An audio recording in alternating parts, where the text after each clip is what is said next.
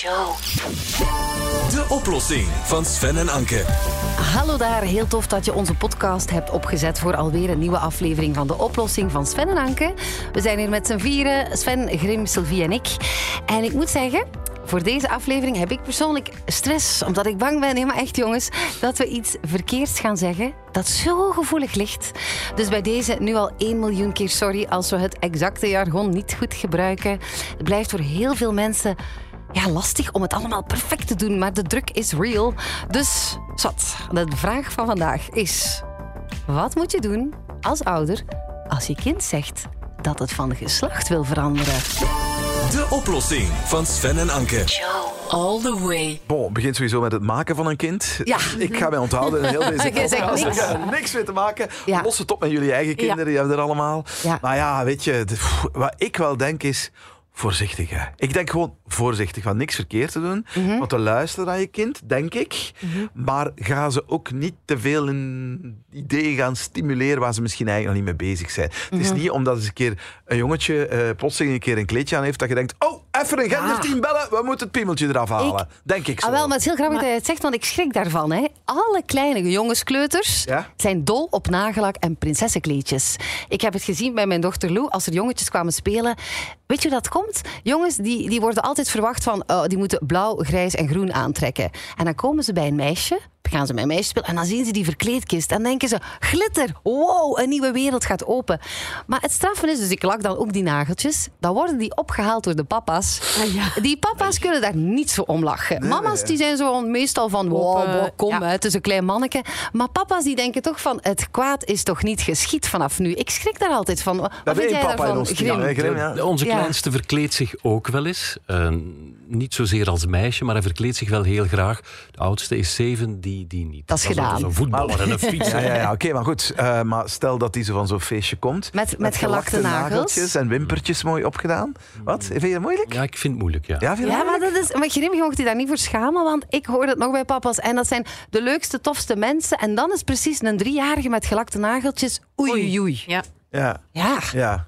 Ja, we zijn ook niet zo opgegroeid. Hè. Dat, is, iets- dat, is, dat is voor meisjes. Oh. Ja, ja, ja. Oh, ja, maar, ja, ja, ja, maar ik heb geen kinderen, maar ik hoor Ja. bij alle vrienden zo, dat is zo, wauw. We hebben een keer een hele discussie met ons gehad, omdat er eh, op, eh, op eh, schoolfeest of zo was er een cadeautje voor de jongens en voor de meisjes.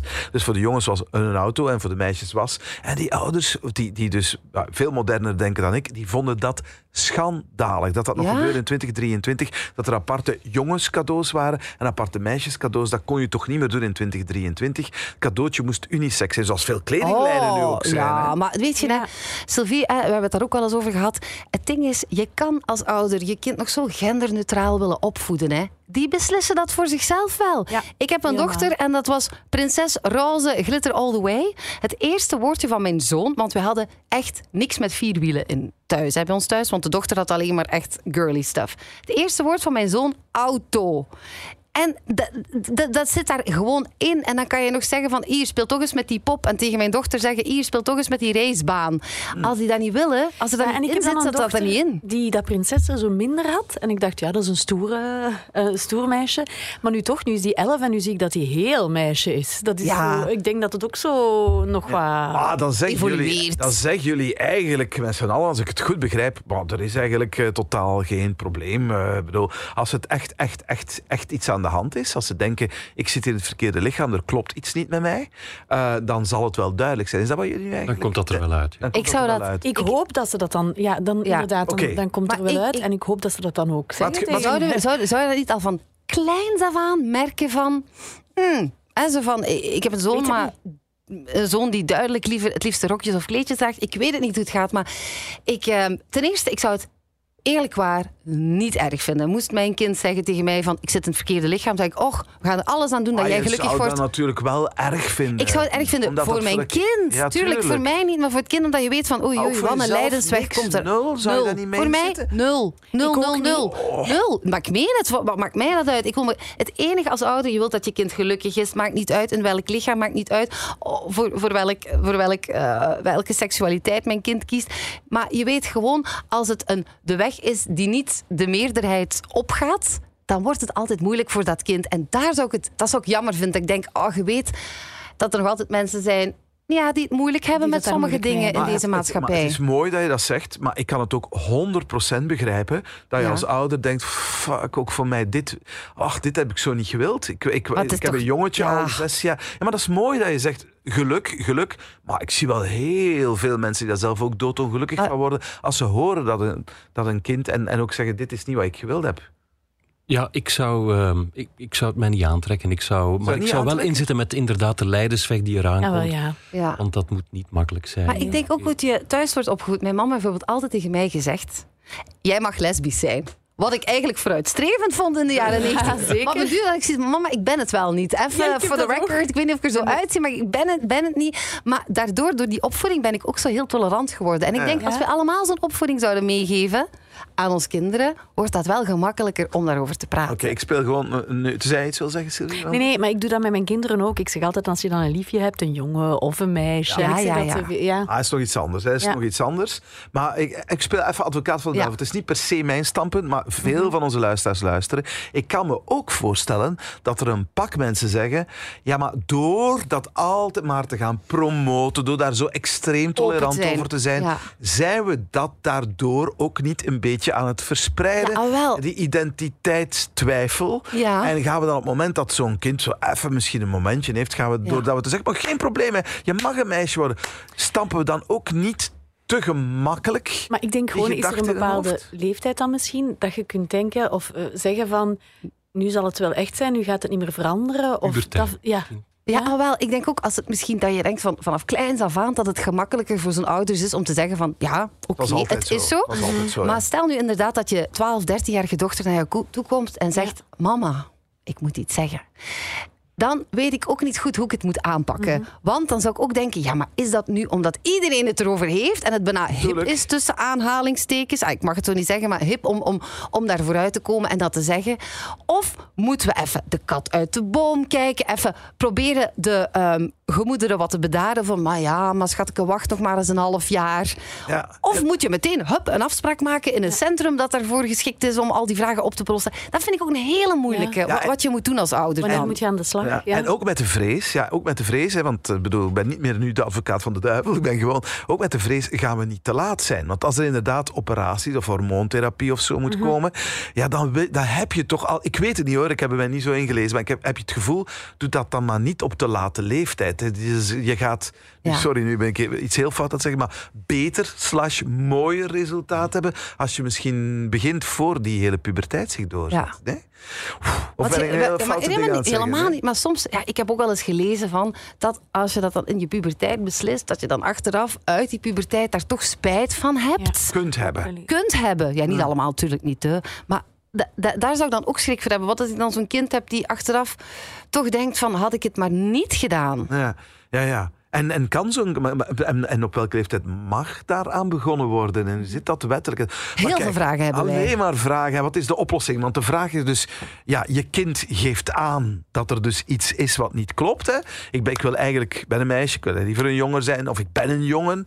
Ook, ook al zit ik in een andere verpakking. Wat moet je dan doen? Wat is de oplossing? Wij hebben iemand gebeld. eh kinderpsychologe in het genderteam van het UZ Gent. Het enige centrum voor seksuologie en gender in Vlaanderen waar kinderen, jongeren en hun ouders met gendervragen terecht kunnen. Goedemorgen, dag Gaia van Kouwenberg. Goedemorgen, Gaia. Hallo, hallo. Heb je je zitten storen aan onze babbel? Of kan je dingen herkennen? Nee, eigenlijk...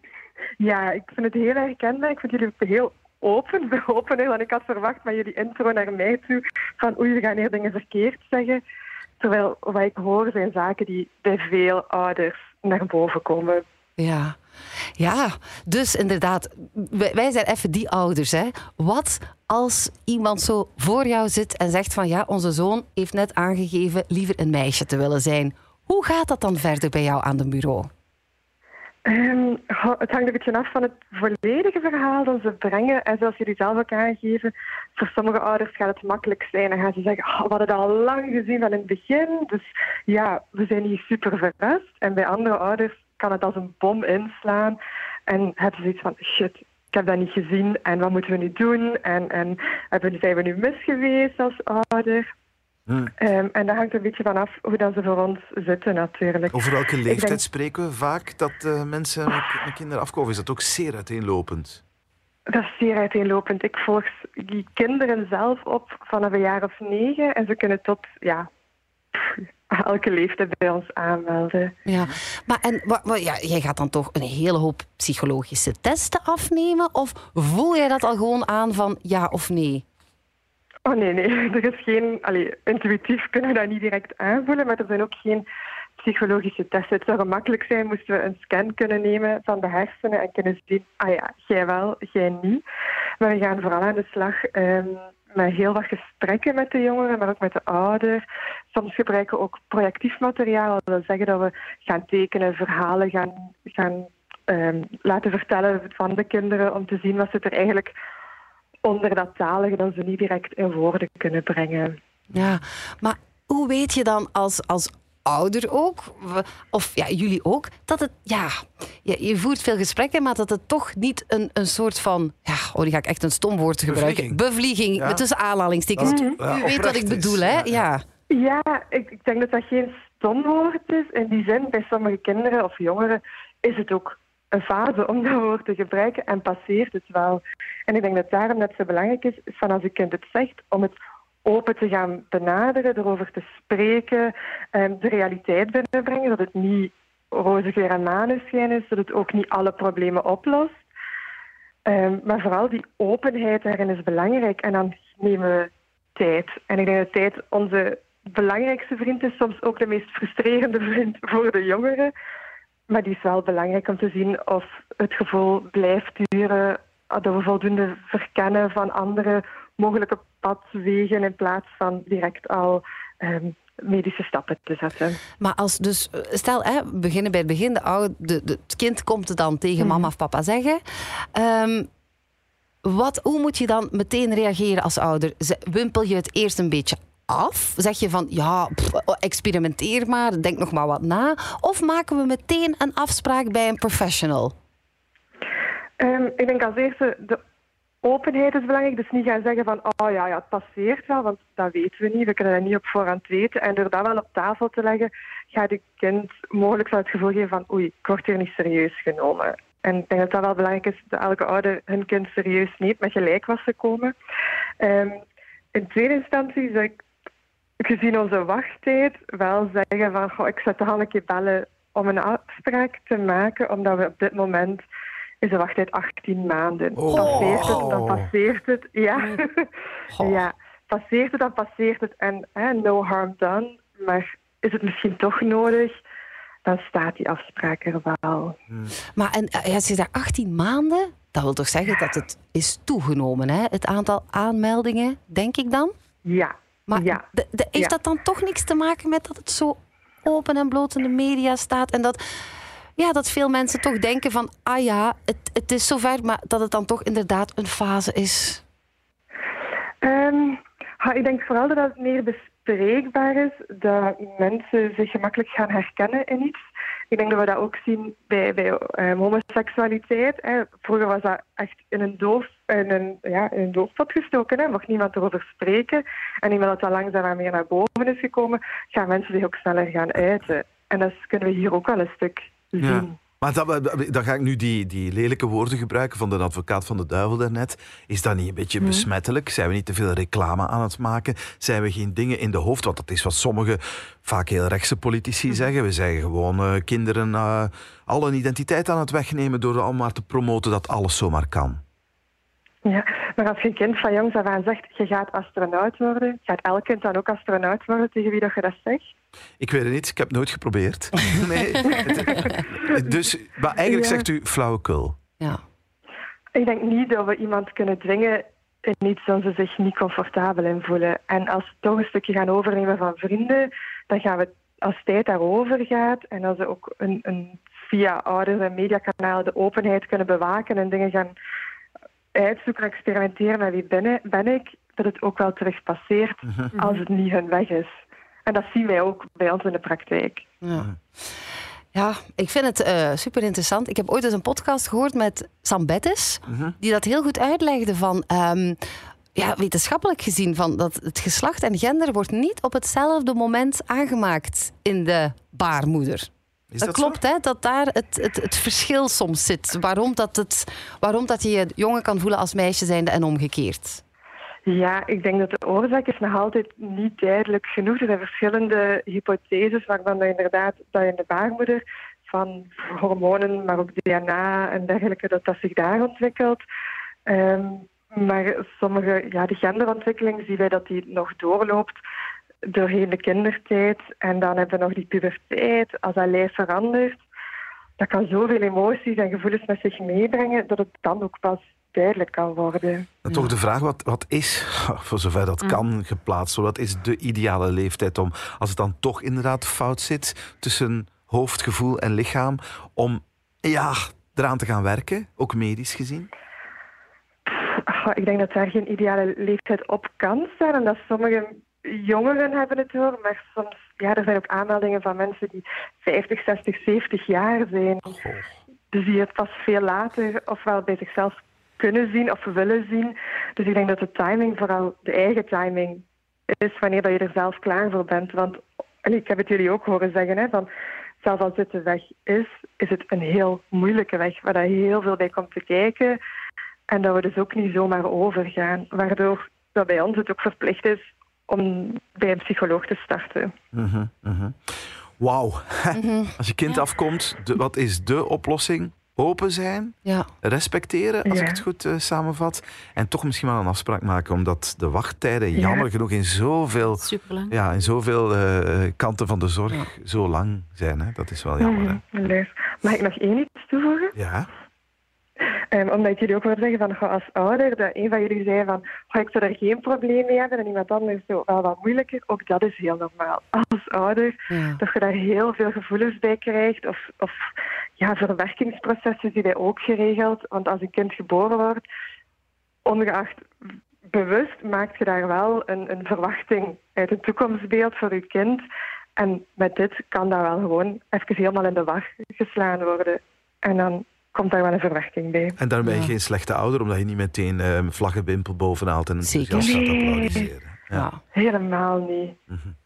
Wauw. Oké, Ja. heel fijn. Heel Als fijn men- om met u te babbelen. Ja, maar eh, nog even misschien de site eh, vermelden. Als eh, mensen inderdaad in deze situatie zitten en geholpen willen worden, waar kunnen ze terecht, Gaia? Ehm, het makkelijkste is gewoon Centrum voor Seksologie en Gender in te typen in Google en dan kom je op onze website van het Bij UZ Gent, hè, want jullie zijn de enige. Ah, wel, dan zou ik heel graag bij u terecht willen komen. Moest Ja. het ooit zijn, dan vraag Ik ik. Kaya. Een afspraak met Kaya van En als, en als het voor jezelf een probleem is, mocht je het mij ook altijd zeggen, hè, Anke. Dan zijt jij de laatste tegen wie ik het zeg. Ik, ik, ik kan geen vrienden genoeg hebben in het leven. Hè. Dankjewel, Gaia. Merci voor de oplossing. Dank jullie wel. Dag. Dankjewel. De oplossing van Sven en Anke. All the way.